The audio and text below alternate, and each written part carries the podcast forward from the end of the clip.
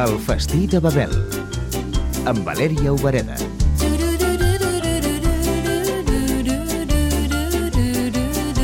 La comida en Rumanía se caracteriza por carne de cerdo, la carne en general, carne roja, no de pescado. L'Anna Luisa Cojocaru va néixer en un petit poble del centre de Romania, a les muntanyes dels Carpats, i fa 5 anys que és a Catalunya. Aquí hay más platos típicos de pescado, en Rumanía hay más platos típicos de carne de cerdo, de oveja, de ternera, son más típicos. A Romania encara es fa molta conserva a les cases. Se hacen con verduras conservadas en botes de vidrio.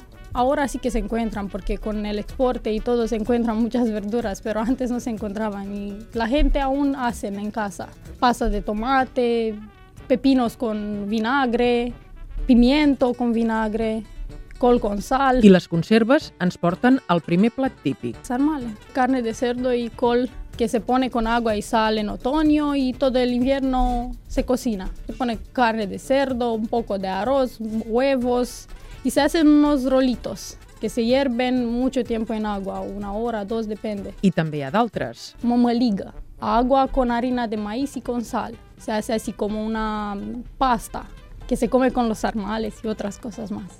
Con carne de cordero que también se pone a madurar, pastrama. A veces lo ponen en octubre o noviembre y se sacan en la primavera antes de Pascua. Se pone con sal, con, en botes de madera.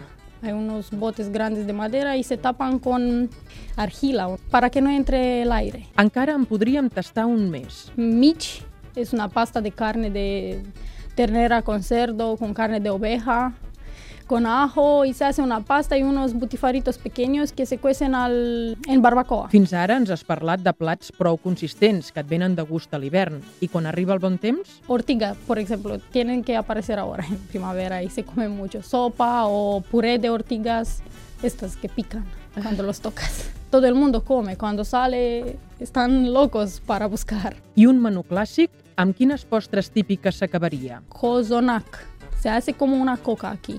Harina, azúcar, levadura de panadería, pero de esta fresca, que crece, que está viva. Y pasas, nueces, cacao. Se parece mucho con los panetones de italianos, pero no es lo mismo. El menú.